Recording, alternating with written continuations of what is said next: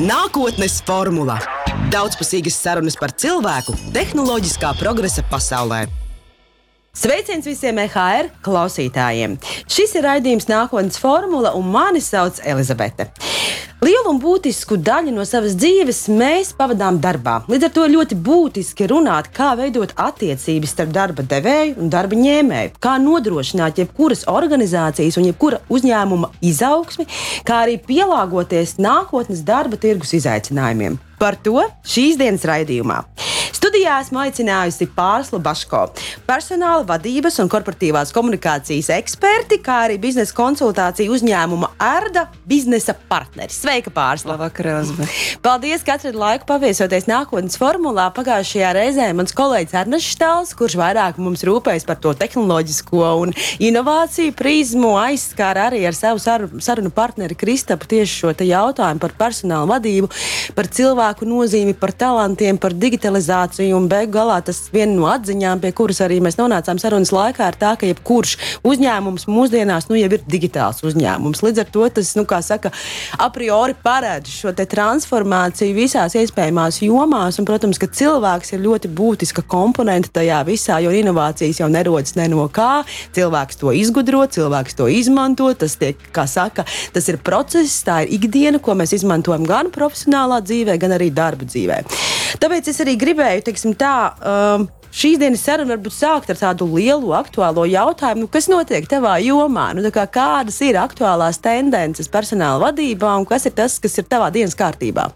Jā, laikam tik daudz kā tagad uh, sen nav noticis. Tas droši vien būtu tāda īsā atbildes versija, bet, uh, ja mēs skatāmies, kas varbūt ir tās prioritātes, par ko šobrīd uzņēmumi domā attiecībā uz darbiniekiem, tad tās ir vairākas. Tu pieskāries pati digitalizācijai, un tas, ko mēs arī redzam pēdējais pusotrs, divi gadi, mums pagājušajā gadā tā kā pātrinājumā. Viens ļoti interesants pētījums Boston Consulting Group šo pēdējo laiku ir nosaucis par tādu transformāciju uz steroīdiem.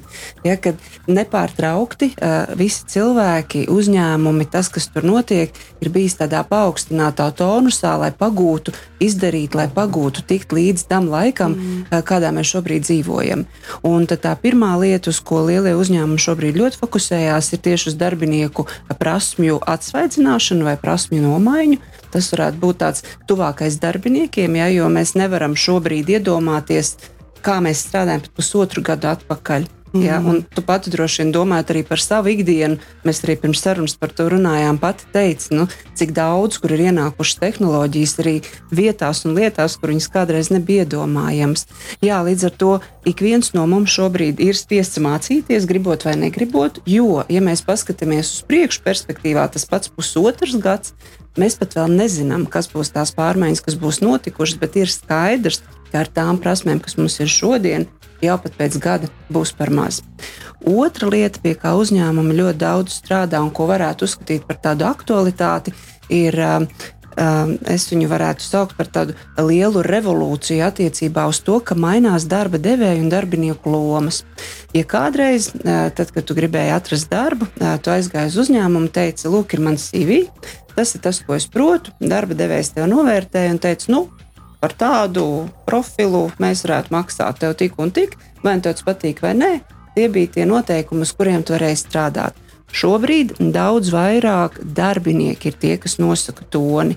Darbinieki šī attālinātā, laika, attālinātā darba laikā ir apzinājušies, ka viņi ir spējīgi strādāt patstāvīgi, ka viņi prot organizēt savu dienu, ka viņi ir apguvuši daudz tādas prasmes, kas viņiem šobrīd ļauj strādāt attālināti. Un, uh, pagājušā nedēļā man tieši bija saruna ar vienu arī darba devēju, kas teica, pārstāv, kas notiek. Mēs piedāvājam tik labu algu, mēs piedāvājam dažādus labumus. Un tas cilvēks saka, nē, es nenākušu. Man ir vajadzīgs uh, iespēja strādāt attālināti. Līdz ar to, ja šis darba devējs šodien grib uh, dabūt tos kandidātus, kas viņam ir svarīgi, viņam nāks pārskatīt uh, savu stratēģiju, uh, savu pieeju darbam, savas vērtības, uh, varbūt pat savus darba stilus. Visas šīs izmaiņas tādā personāla vadības pusē nozīmē, ka jāķerās klāt atpakaļ pie pamatiem, un kārtīgi jāpārskata, ko un kā mēs darām. Līdz ar to šis hibrīdais darbs vai strādāšana attālināti no biroja ir kā tāda trešā lielā lieta, ap ko visi lauza galvas. Kā tu vērtē teiksim, tā, darba devēju tādu nu, kapacitāti šajos jautājumos? Vai Latvijā tie cilvēki ir atvērti, vai viņi saprot, vai viņi ir gatavi šai komunikācijai? Jo tomēr man kaut kā tā intuitīvi liekas, ka tomēr nu, daudzās organizācijās, arī lielos uzņēmumos, tomēr ir šīs vecās hierarhijas, nu, kā saka, vecā kārtība, kas ir kas, jā, kā, kā, kas kam par ko atbild. Ja nav šīs demokrātiskās struktūras, nav šī uzticība darbiniekam. Kā tu uz to skaties? Tev ir pilnīgi taisnība. Pirms divām nedēļām vienā darbnīcā kur mēs arī runājam par to, cik svarīgi ir uzticēties darbiniekiem, tāpēc, ka viņi ir mainījušies, ir mainījušās viņu vērtības, ir mainījies tas, kas viņiem ir svarīgi. Un kad īstenībā nedodot šo uzticību vai nedeleģējot uzdevumus, darba devējs ļoti daudz uh, zaudē. Un tad arī tāds uh, gados uh, vecāks vadītājs ilgi sēdēja, domāja, viņš uz maniem paskatās un saka, bet pārsla ja tas darbinieks visu salaidīs grīstē, kurš ies cietumā? Ja, tas priekš maniem bija tāds skaidrs signāls, ka lai arī visa pasaule mutuļo pilnīgi citā līmenī, tomēr ir vesela rinda ar vadītājiem, kas gaida, ka būs tā kā bija kādreiz. Kad atgriezīsies tās dienas, ka varēs staigāt visiem aiz muguras, pār, paskatīties pār plecu un uh, kontrolēt, uh, ko katrs no cilvēkiem dara. Tā kā jā, tas ceļojums ir tikai sākumā.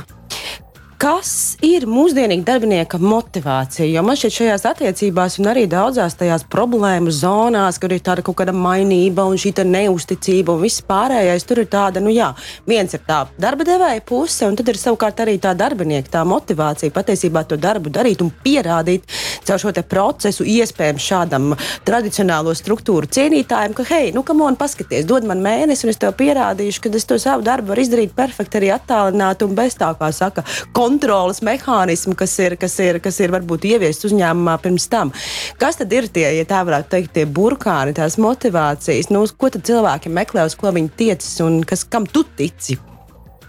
Cilvēki šobrīd darbā meklē to brīvību, ko viņi pieredzēja un ko viņi ieguva pēdējā pusotra gada laikā. Um, ir viens tāds ļoti interesants pētījums, ko ir veicis konsultāciju uzņēmums Gartner, kas ir skatījies tieši uz to, ko darba devēja šobrīd piedāvā, pret to, ko darbinieks sagaida. Un, viņi to visu ir savilkuši kopā tādā ļoti interesantā veidā. Viņi saka, ka darbinieki vairs negrib, lai viņus uzskata par strādniekiem vai darbiniekiem. Viņi grib, lai viņus uzskata par cilvēkiem.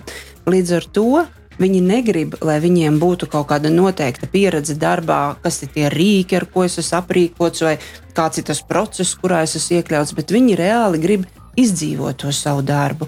Un tas sev pavēl līdzi to, ka viņiem vairs nevajag labumus, ja, kā tu saki, tai motivācijai, bet viņiem vajag tādu emocionālu iesaisti. Un tas redz pavēl sev līdzi ļoti daudz izmaiņas vadības kontekstā. Kā es, kas ir vienmēr redzējis, ka cilvēkam ir jāiedod uzdevums, jānosaka termiņš, pēc tam jāpārbauda, vai tas uzdevums ir izdarīts.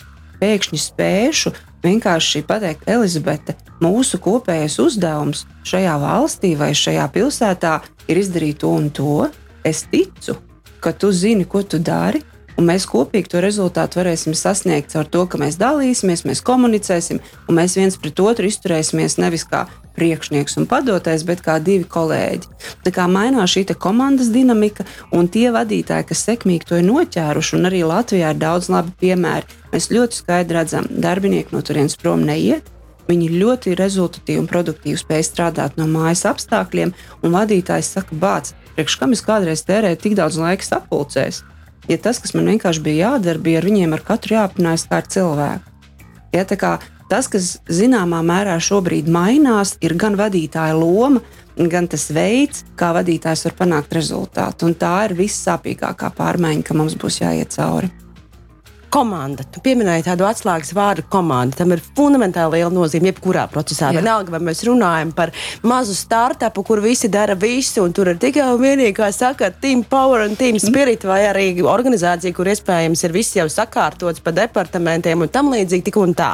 Ok, labi, mēs esam šajās varbūt jauno laiku attiecībās, kur es kā darba ņēmējs varu nākt ar savu kaut kādu uzstādījumu, kā es gribu būt. Tā pašā laikā darba devējs ir ieinteresēts tomēr tajā komandā komandas kaut kādā kopīgajā garā, attiecībās, komunikācijā. Nu, tad, tad kā? Nu, tad kādā veidā, kas ir tie instrumenti, kā dot brīvību un pašnoteikšanās iespēju tā pašā laikā uzturēt komandu kopā kā, kā uz vienotu mērķi? Kam tā komanda ir vajadzīga? Nu tā, tas ir retorisks jautājums, es zinu atbildi, bet nu tā, kāda ir tava tā versija? Kāpēc ir svarīgi cilvēkiem strādāt komandā? Nu, Kaut kādā ziņā man liekas, tādā varbūt tās bāzes funkcijā, nu, cilvēks ir tāds sociāls dzīvnieks, nu, sociāla radība. Nu, tāpat kā viņam ir vajadzīga ģimene un, un, un draugi un viss pārējais savā privātajā dzīvē, tieši tāpat arī darba dzīvē. Jo tikai un vienīgi, nu, es pati pieredzēju savā uh, Covid lockdown laikā, ja tu sēdi pie datora tikai raksti un šī tāda stratēģija, un tāda stratēģija, un tāds projekts un šitāds projekts, un vienā brīdī tas tev liekas tāds ļoti seriāls burbulis,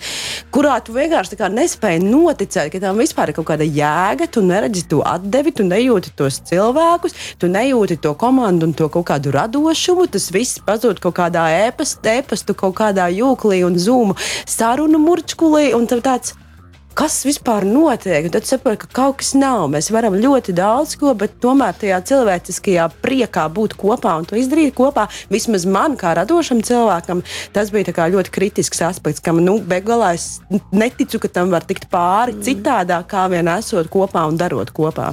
Jā, tā ļoti vienkāršoja tā tā enerģijas apmaiņa, mm. kas ir nepieciešama komandā, lai varētu ģenerēt idejas, lai varētu kopīgi sasniegt rezultātu, ja kāds, kādam iet sliktāk, lai pārējie ir kas pieslēdzās.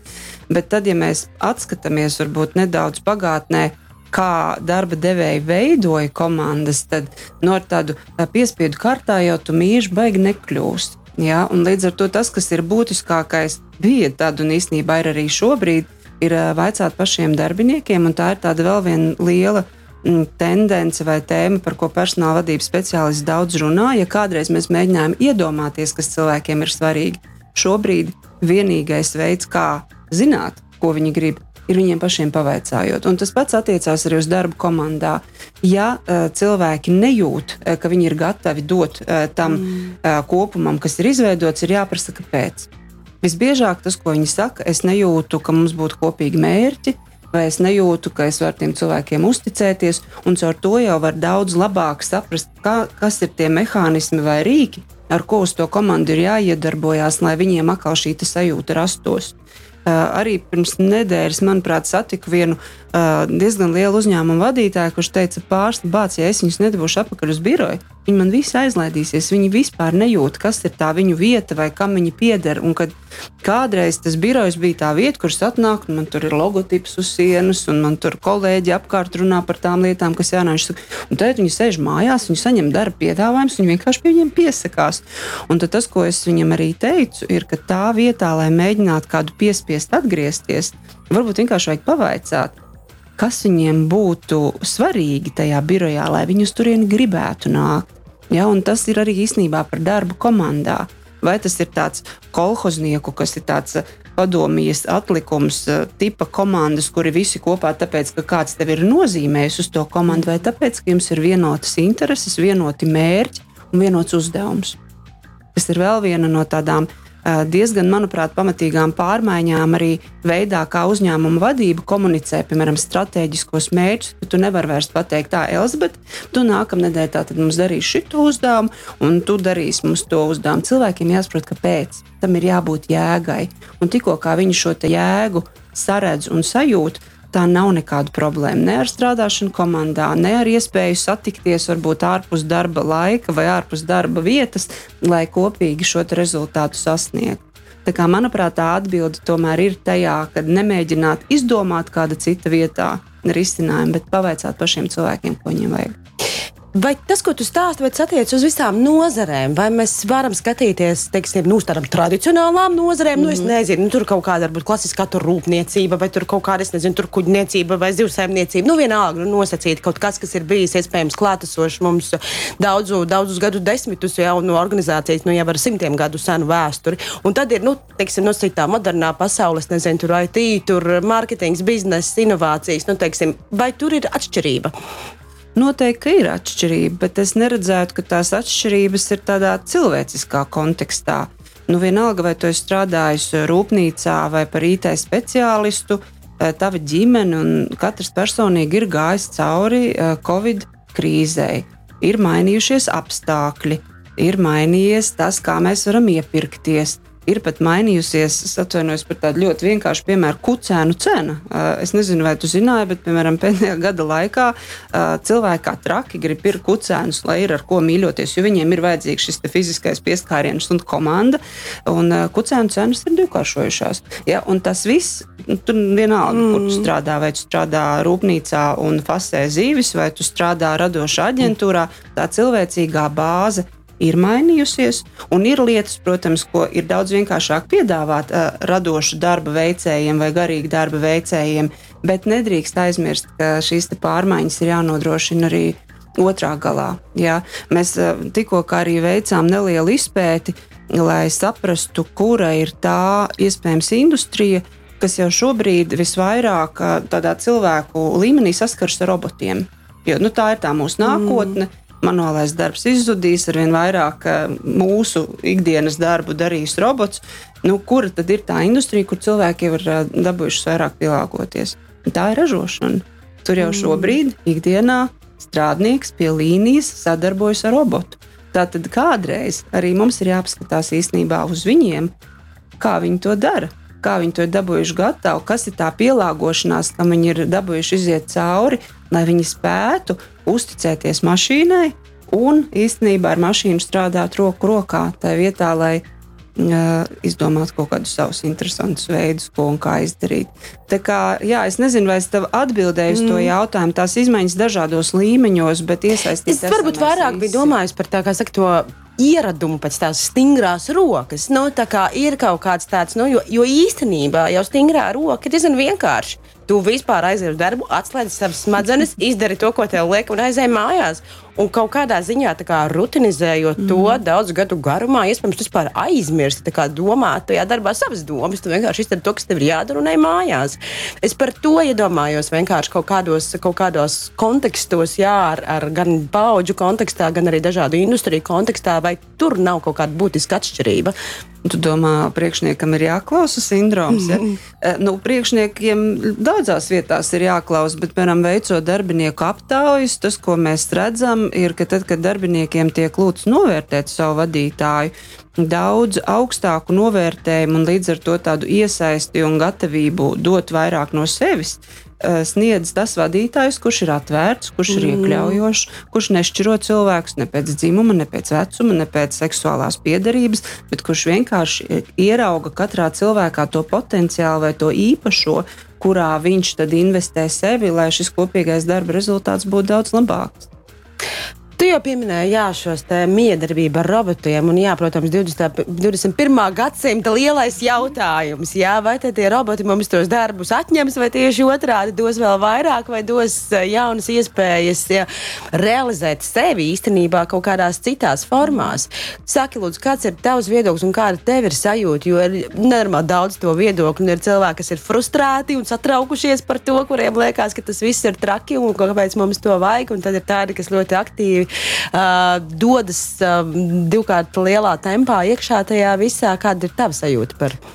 Es neteikšu tev sajūtu, es vadīšos no datiem. OECD gadu vai pusotru gadu atpakaļ veids milzīgu izpēti par visām Eiropas valstīm, kā automatizācija vai roboti ir ietekmējuši strādājošo cilvēku skaitu.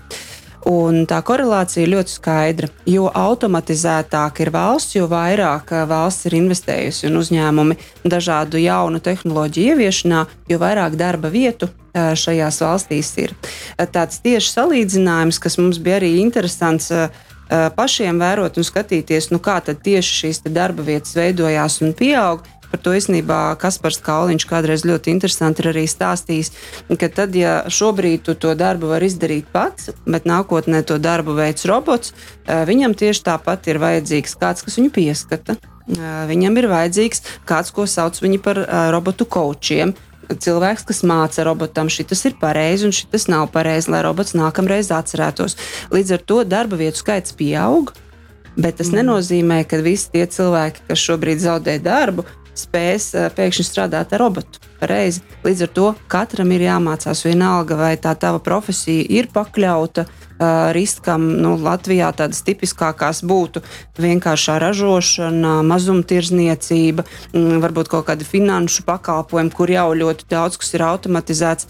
Bet tas nenozīmē, ka viņiem nav iespēju palikt turpat savās darba vietās, bet vienkārši strādāt jau kvalificētāku darbu. Ja, un, un to man liekas, ka viņi bija salikuši arī rīktīgi tādā foršā čārtā, kā izskatās Eiropa, un tur bija viennozīmīga korelācija. Vairāk robotu, vairāk darba vietu. Tā, kā tā riska, ka mēs paliksim bez darba, nav kā cilvēks.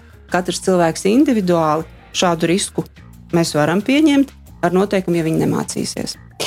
Kas ir atbildīgs par šo mācīšanos? Vai tā ir mūsu paša cilvēki, jebkura atbildība vienkārši meklēt šīs iespējas, un, un vēl kaut kā tā, vai tā ir darba devēja atbildība, redzot potenciāli kaut kādas darba vietas, kas ir pakļautas riskam, laicīgi domāt par šiem darbiniekiem un tātad nodrošināt šo prasmi pilnveidi.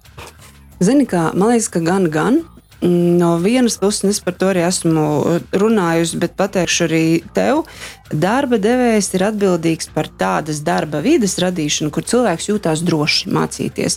Nu, ja mēs kaut vai redzam, jebkuru mazu bērnu, kurš mācās staigāt, viņš nokrīt ceļās kājās, nokrīt ceļās kājās, nokrīt ceļās kājās. Darbā kaut kā tas nevienmēr strādā. Darbā tu vienreiz paklūp un tevi atlaiž. Ja, un tā ir tā darba devēja loma vai uzdevums eh, īstenībā jau no šodienas, tas nav jāatliek ne uz rītdienu, ne uz parītdienu, veidot tādu vidi darbā, kur darbiniekam ir kļūdīties droši, jo mēs no kļūdām ļoti labi mācāmies, un tad arī eh, šīs idejas, inovācijas, ko darbinieki spēs ģenerēt, būs mm. daudz foršākas, jo viņi nebaidīsies par to, ka viņiem par to pienāks sots. Paši darbinieki ir atbildīgi par savu izaugsmi.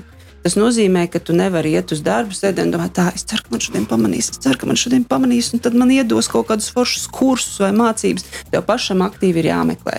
Gan iespējas attīstīt sevi darbā, vai tas būtu jauns uzdevums, projekts, kaut kāda interesanta lieta, kam pieslēgties, vai uzņēmuma piedāvātās izglītības iespējas, vai arī valsts piedāvātās izglītības iespējas. Tā kā to iespēju šobrīd īstenībā ir ļoti, ļoti daudz. Mm. Man liekas, ka pēdējie dati, ko es skatījos Eiropas Savienības kontekstā, nākamo sešu gadu laikā Eiropa grasās investēt uh, 60 miljardus eiro uh, cilvēku izglītošanā.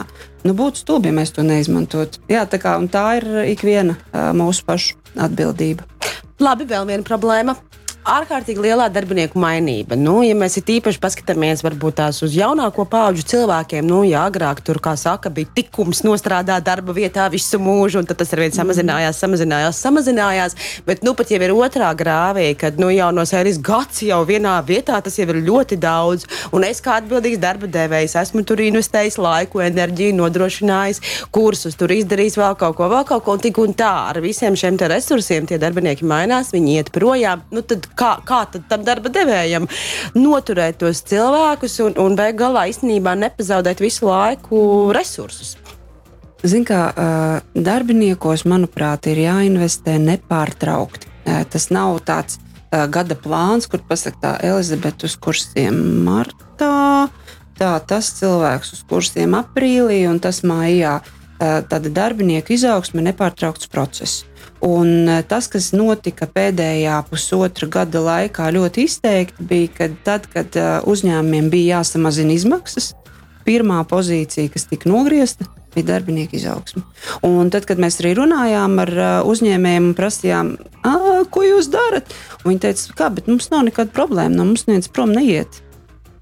Kas īstenībā šajā laikā notika, bija cilvēki īstenībā krā, viņos krājās šis rūkums vai neapmierinātība. Protams, ka neviens nekur prom negāja, tāpēc, ka darbs ir svarīgs.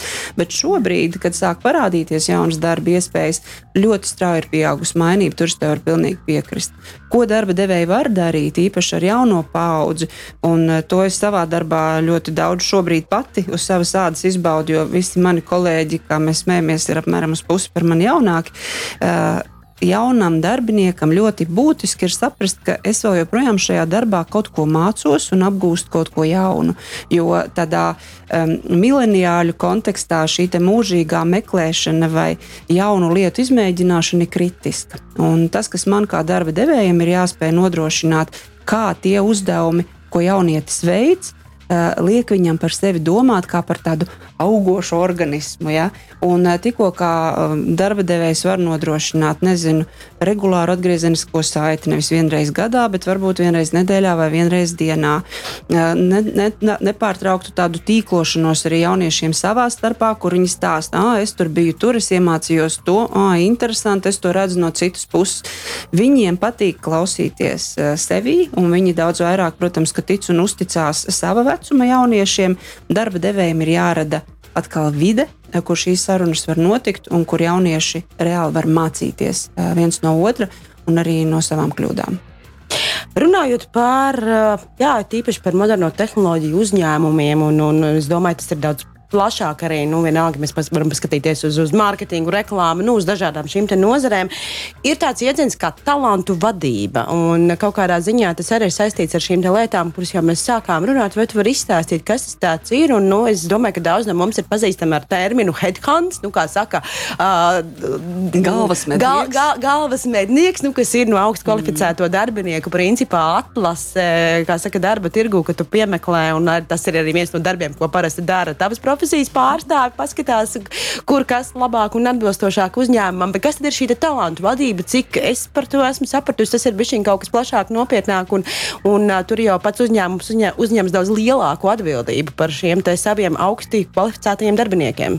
Jā, viss sākās ar tādu ļoti vienkāršu sarunu, manuprāt, pie vadības galda, kur visiem vadītājiem ir jāatbild uz jautājumu, vai mēs kā uzņēmums sevi redzam kā vietu, kur talanti aug un attīstās, vai mēs sevi redzam kā vietu, kur talanti tiek iepirkti. Viņi kaut kur citur jau ir pamācījušies, un tad viņi nonāk te un tikai dod mums ārā to, ko viņi ir iepriekš iemācījušies. Nu, ja tu prasi man, kurai pareizā pieeja, man liekas, ir jau diezgan skaidrs, tad, ja tu ļauj tam talantam vai darbiniekam pie, sevis, pie sevīm augt, protams, ka viņš būs daudz lojālāks un uh, varēs sniegt daudz labāk idejas, vairāk idejas, bet uh, tas, kas ir būtiski tādā personāla vadības kontekstā, ir apzināties, ka kaut kāds talants ir ikvienam.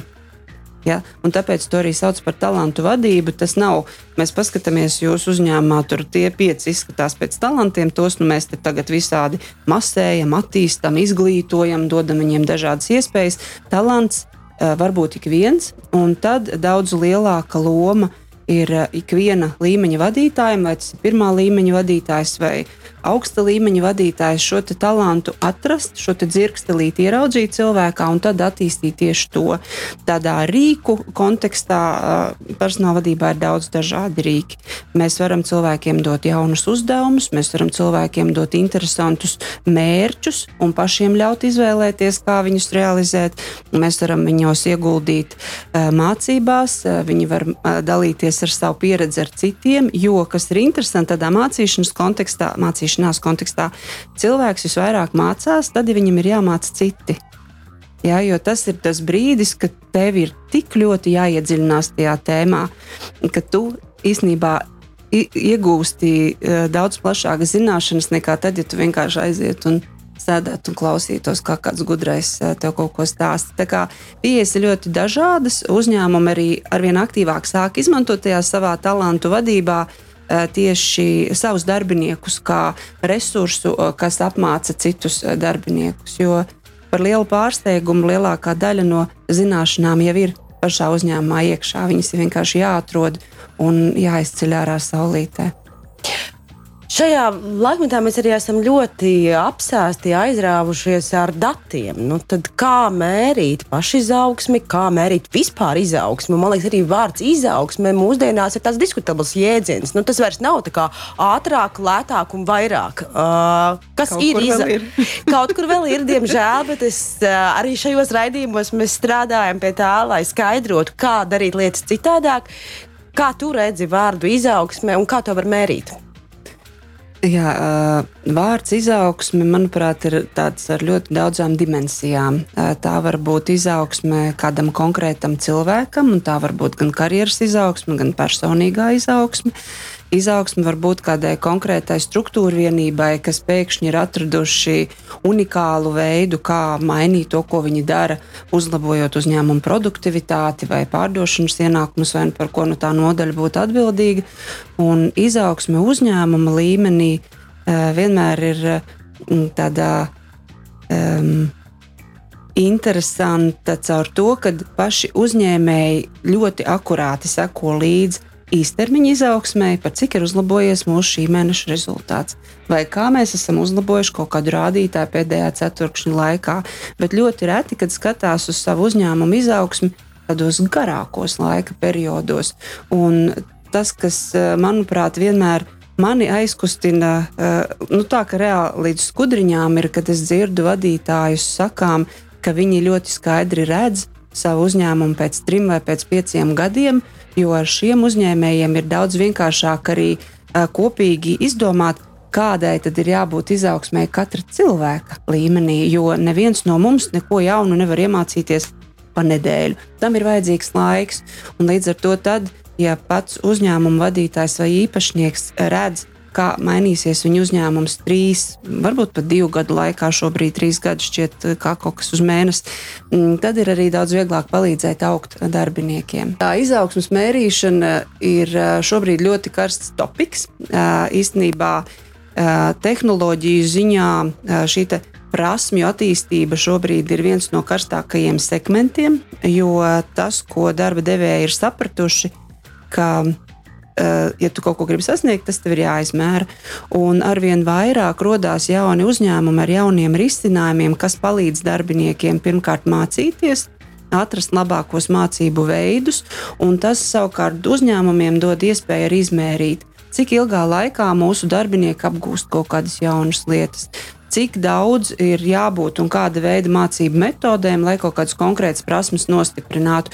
Un rādītāji, ko mēs arvien vairāk sākam redzēt, ir nevis eh, cik man ir jāinvestē naudas Elizabetē, lai viņi beidzot saprastu, kā lietot kaut kādu konkrētu rīku, jā, bet tu vairāk tiešām skaties uz to eh, metožu skaitu, uz cilvēka vēlmi iesaistīties, cik bieži cilvēks un cik ilgu laiku velta mācību procesam, jo to gan ļoti daudz, īpaši starptautiskie uzņēmumi, jau ir sapratuši, ka, ja tu vari savu uzņēmumu padarīt par tādu spējīgu mācīties, tad arī šī izaugsme ilgtermiņā gan biznesa rezultātos, gan cilvēku rezultātos būs daudz lielāka. Labi, lielās organizācijas, tur saku, hierarhijas departaments, skaidrs, ka tur ir pilnīgi citi vadības principi, bet nu, tā realitāte jau ir īpaši Latvijā, nu, lielākoties tie ir mazi un vidēji uzņēmumi. Tie ir, tās ir aģentūras, kurās iespējams strādā 3 un 5 cilvēki. Varbūt tie ir startupi, kur strādā 5 traki cilvēki, kas multitāsko un, un dara to dienaktīm, lai varbūt izbīdītu kādu jaunu produktu vai pakalpojumu tirgu.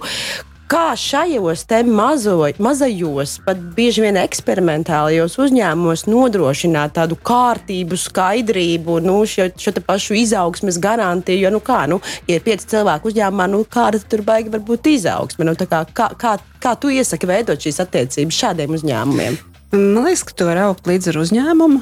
Un, uh, tā ir liekas, arī tāda katra cilvēka izvēle, vai es gribu būt viens no pieciem. Un, uh, zināt un iemācīties ļoti daudz un dažādās jomās, vai es gribu būt viens no diviem vai trim tūkstošiem darbinieku un zināt savu lietu, bet ļoti šaurā jomā. Ja, līdz ar to tā izaugsme notiek gan vienā, gan otrā gadījumā, viņi ir vienkārši savādāk. Un tas, ko mēs paši arī zinām no saviem draugiem un paziņām, cilvēks, kas ļoti veiksmīgi var strādāt mazā uzņēmumā, tik galā ar visiem iespējamiem uzdevumiem, nonākot lielā korporācijā, kas ir ļoti sakārtota ar noteikumiem, ar visām vadlīnijām, stabils darbs. Nu, akmens siena, viņš tur nespēja iedzīvoties, jo viņam tie rāmi ir pa ciešu, lai viņš spētu realizēt savu labāko potenciālu. Tā kā tā izaugsme notiek, Elizabete, tas, ko mēs kā cilvēki bieži vien aizmirstam, ir dienas beigās apstāties un sev pavaicāt jautājumu, ko es šodien iemācījos. Un tā atbilde ir tas tavs ceļš, kas tev ir vienkārši jāiet. Ja tu jūti, ka pats šodien uh, vispār neko neiemācījos, tad ir vērts domāt, kas ir jāmaina savā darbā vai savā ikdienā. visbiežāk jau uz šo jautājumu ir atbilde, mm. kur tu zini, ah, šodien es iemācījos kaut kādu jaunu feature tajā programmā, vai es uzzināju, ka ar klientiem var runāt ne tikai tā, bet arī savādāk. Un šīs mazās mācīšanās jau ir tās, kas arī padara mūs kā cilvēkus daudz zinātnārākus un atvērtākus jaunām lietām. Ir ar cilvēkiem, kuriem, es nezinu, vienkārši varbūt, piemēram, nepatīk tehnoloģijas, nu, kuriem, nu, es nezinu, nu, es zinu savu māmu, kas saka, viņai nepatīk tur tajā telefonā bakstīties, un es viņu vienkārši desmit gadus mēģinu pierunāt jau uz vietālu, un, ja, nu, beidzot, bet, nu, arī, nu, tā kā, nu, nu ļoti, ļoti minimāli, nu, negribu, nu, nemaz, nemaz. Un kaut kādā ziņā es to varu arī saprast. Nu, ir cilvēki, kuriem tie ekrāni nepatīk, nu, neinteresē. Nu, kā, vai viņiem būtu jālāž sevi un jāmēģina atrast kaut kāda komforta zona un tomēr nu, kaut ko piespiedu brīvprātīgā kārtā jāapgūst, vai tomēr var cilvēks, kā saka, dzīvot bez digitālās iesaistes un bez sociālo mediju kontiem un visām pārējām lietām, un vēl joprojām atrast, piemēram, labi atalgotu darbu, nezinu, progresīvā uzņēmumā un tā tālāk. Manuprāt, labi atalgotu darbu progresīvā uzņēmumā šobrīd iegūt bez digitālām prasmēm ir gandrīz neiespējami. Tāpēc, ka liela daļa no uzņēmumiem jau sen uh, ir atmetuši papīra grāmatas un skaitīkļus, bet viss, kas notiek, notiek datorizētā vidē. Uh, Tu pieskāries arī mammas jautājumam, kas ir cita veida izaicinājums ļoti daudziem darba devējiem šobrīd Latvijā, jo šo darbinieku pirms pensijas vecumā ir ļoti daudz, un viņiem gan nāk līdzi no senām dienām iesista bijība pret jebko jaunu, ko var salauzt, vai nē, nē, meitiņ, es tam neķeršos klāt, ka tik kaut kas nenotiek.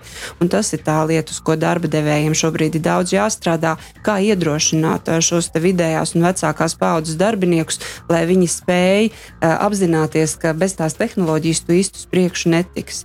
Bet vai piespiedu kārtā var kaut ko iemācīties? Manuprāt, nē. Katrs cilvēks pie tā nonāks. Man nezinu, kaut kāds, kas nāk prātā, pirmais salīdzinājums. Nu, vēl joprojām ir cilvēki, kas dzīvo piemēram bez televizora un kam nekad mājās televizors nav bijis, bet tādu ir mazākā procents, mazākā 0,1%, kas savā dzīvē nekad nav redzējuši televizoru. Un tā ir tā vienkārši evolūcija, kas ar mums notiek. Un ikvienai digitālai lietai ir savs tāds dzīves ceļš, kas ir jāaiziet. Un šobrīd ir grūti iedomāties sevi eh, šajā mūsdienu realitātē bez vismaz vienas vai divām digitālām ierīcēm. Drošība. Viens no jautājumiem, ko tu pieminēji arī pašā sākumā, ka tomēr nu, tajā darba vidē tur ir jābūt tai drošības sajūtai par to, ka man būs tas darbs, ka man būs tas atalgojums, ka esmu drošā vidē komunicēt, ka esmu drošā vidē kļūdīties nu, man liekas, sasodīts. Mūsdienās drošība nu, ir ļoti, ļoti maz lietas, ko šajā pasaulē mēs uh, zinām droši. Viena vienīgā filozofiski uz to skatoties, ir tas, ka tas viss kādreiz beigsies. Tas ir vienīgais, par ko mēs varam būt pārliecināti. Man ir fundamentāli sajūta, ka ne par ko citu mēs nevaram būt droši un mēs nevaram to garantēt. Kas ir tie elementi, kas veido šo drošības sajūtu? Vai tā ir harizmātiska līderība, vai tā ir pārdomāta ilgtermiņa vadība? Nu, kā, kādā veidā mēs vismaz varam radīt kaut kādu sajūtu un par kādiem terminiem mēs runājam. Tas arī ir būtisks, manuprāt, nianses tajā visā. Nu, kā drošība mūsdienās noteikti vairs nav pieci gadi, ja iespējams tie ir trīs mēneši. Kā tu skaties uz šo? Jā, tas vārds mums uh, ir ļoti īpašs. Tāpēc, kad es pat gribētu kāpt vienu soli atpakaļ un sākt ar tādu fizisku drošību, vai es savā darba vietā jūtos fiziski drošs, izteikt savu viedokli, būt savādāks, vai cerēt, ka mani pieņems tādu, kāds es esmu, neatkarīgi no savas izcelšanās, vai dzimuma vai vecuma. Šo drošību viennozīmīgi rada uzņēmuma vadība, jo tas, ko es redzu arī savā pieredzē, tikko kā uzņēmuma vadītājs kļūst atvērts tam, ka ikvienam cilvēkam pie viņiem ir iespējas, tā šī uzvedība nonāk līdz pat zemākajiem darbinieku līmenim, vienalga, cik tā organizācija būtu liela. Tāda psiholoģiskā drošība par to, vai man vēl būs darbs un vai es esmu šeit kādam vajadzīgs, tur tomēr, manuprāt, tā kā ir sinerģija starp vadītāju, kā darba devēju un pašu darbinieku. Izzināt, kas ir tie faktori, kas darbiniekam šo drošību rada, un pie tā strādāt. Lai gan, ja godīgi, man te vēl ir jāsaka, ka arvien vairāk uh, Un ne tikai mileniāļos, bet arī citu pauģu cilvēkos parādās tie, kas saka, man nevajag drošību, man vajag adrenalīnu. Un tad, tu, protams, runā par pilnīgi cita veida piedāvājumu. Klasiski drošībai, un diemžēl Latvijā vēl joprojām par to ir jārunā. Darbinieki sagaida, ka par viņiem tiks samaksāt visu nodokļi, lai gadījumā, ja šis darbs tiek zaudēts, par viņiem kāds var parūpēties. Un, diemžēl ir diezgan daudz industrijas, kas joprojām izmanto to, ka cilvēki neuzdrīkstās iestāties pret un turpina nodokļus nemaksāt. Pie drošības attiecībā uz nākotni tiek pieskaitīta arī iespēja redzēt, kādas ir manas karjeras izaugsmas iespējas. Jo tad, ja es redzu, ka uzņēmums par mani domā un plāno man kaut kādus cita veida izaicinājumus vai uzdevumus, tas nozīmē, ka es visdrīzāk palikšu. Un tas trešais aspekts, kas manuprāt tādā drošības kontekstā arī ir būtīgs, būtisks, ir šī drošība kļūdīties, ja tādas vidas radīšana, kur cilvēks var mācīties, un par to, man liekas, mēs jau runājām iepriekš. Drošība par to, vai man būs darbs vai nē, es domāju, ka tajā brīdī, kad cilvēks par to aizdomājās, tas ir īstais brīdis sākt domāt, ko mainīt savā attieksmē, kas varbūt ir jauns jāiemācās, eh, kas ir jāizdara, lai šis jautājums, vai es esmu drošs, pazustu. Viena no manām arī raidījuma tēmām, kas ir viens no primārajiem fokusiem, ir uh, ilgspējīga sabiedrība. Un, uh, izmantojot šo terminu, esmu nonākusi daudzās situācijās, kas man prasa, nu, kas tas ir ilgspējīga sabiedrība. Un es zinu, ka arī tu esi runājis no savas profesionālās jomas kontekstā, tad ar ilgspējīgas sabiedrības jēdzienu. Vai tu vari paskaidrot, kā tu to saproti, un varbūt kā tas, ko mēs šajā sarunā esam izrunājuši cauri, korelē ar šo ilgspējīgas sabiedrības jēdzienu? Kā Rainis teica, pastāvēs, kas pārvērtīsies vai kas mainīsies. Man liekas, ka tā ir arī tā atbilde. Nekas nav tik pastāvīgs kā pārmaiņas, un pasaule nekad nebūs tik lēna kā šodien.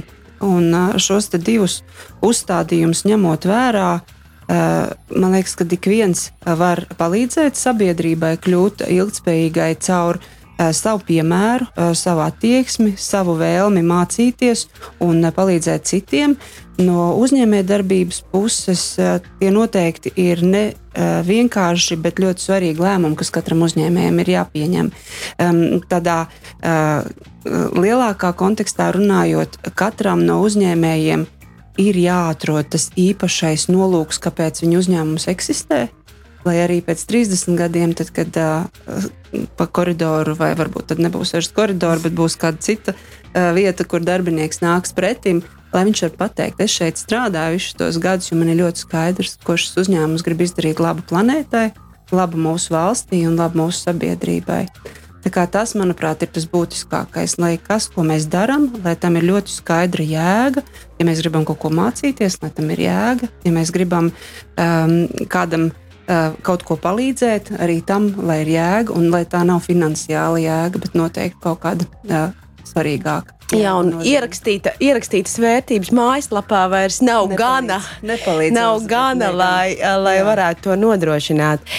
Uh, EHR klausās daudz jauniešu, tādi, kuri arī studē, un tādi, kuri varbūt tikai plāno savu kaut kādu profesionālo attīstību un visu pārējo. Nu, kā pietrūkst, ko vajag, ko man tagad mācīties, ja es vēl nevaru saprast, ko ar savu dzīvi darīt. Vai iespējams arī es esmu situācijā, kur varbūt jau man ir kāda augstākā izglītība, ir jau kaut kāda pirmā pieredze, bet nu, kaut kāda sajūta par to, ka kaut kas dzīvē ir jāmaina, iespējams, kaut kur jāpārkvalificējas kādā citā profesijā. Kāda ir situācija Latvijā, Eiropā, kā tas darba tirgus izskatās? Viss tās bēdīgs, jo darbinieku nekļūst vairāk, viņu kļūst mazāk. Un uh, visi, kas studē, droši vien arī ir gājuši cauri uh, kursam, kur tiek stāstīts par to, cik ļoti samazinās nodokļu maksātāju skaits. Vai cik daudz vienam jaunietim jau pēc 20 gadiem būs jāuztur pensionāri. Un, tas tikai nozīmē to, ka jauniešiem ir jāpalīdz arī saviem vecākiem mācīties un turpināt būt jauniem, kā mēs smējamies pie sevis birojā, ikvienam no mums pilnīgi noteikti savā mūžā būs vismaz divas vai trīs profesionālās karjeras, un labāk ir sākt laicīgi. Bet no tā, ko mācīties, tas mans novēlējums visdrīzāk būs atkal balstīts datos. Mēs prasījām uzņēmējiem kas ir tas, kas jauniešiem, kas tikko atnākuši no universitātes, vairāk pietrūkst.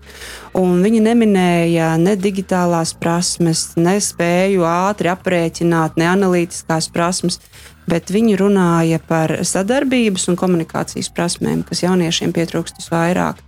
Kā viņas var uzlabot, tikai runājot ar citiem, strādājot kopā, iesaistoties dažādās iniciatīvās un aktivitātēs, pat ja par to nevar saņemt lielo kāpostu. Ja, ir jāmācās būt daļai no kolektīva, ir jāmācās sadarboties ar citiem, jo ir tāds sens afrikāņu teiciens: gribiet ātri, ej viens, gribiet tālu, ej kopā ar citiem. Paldies par šīs dienas sarunu. Ļoti spraigi un dinamiski izskrējām cauri daudzām tēmām, bet tev paldies tev par uh, vērtīgām atziņām un tēzēm. Cerams, ka mūsu klausītāji paņems kaut ko sev līdzi. Un uh, šis te jaukais nobeigums, manuprāt, bija trāpījis desmitniekā. Paldies tev par šīs dienas sarunu. Paldies, Rītā. EHR studijā viesojās Pārsla Baško personāla vadības un korporatīvās komunikācijas eksperte un konsultāciju uzņēmuma Erda biznesa partnere. Paldies, ka skatījāties un klausījāties raidījumu nākotnes formulu. Nākamais raidījums ar manu kolēģi Ernestu Štālu turpināsim risināt inovāciju un startup pasaules lielākos jautājumus. Jūs varat sekot šim raidījumam gan EHR mājaslapā, gan aplikācijā, tāpat arī YouTube un Spotify. Līdz nākamajai reizei. Paldies! Atā! Projektu finansē Nacionālo elektronisko plašsaziņas līdzekļu padome no sabiedriskā pasūtījuma līdzekļiem.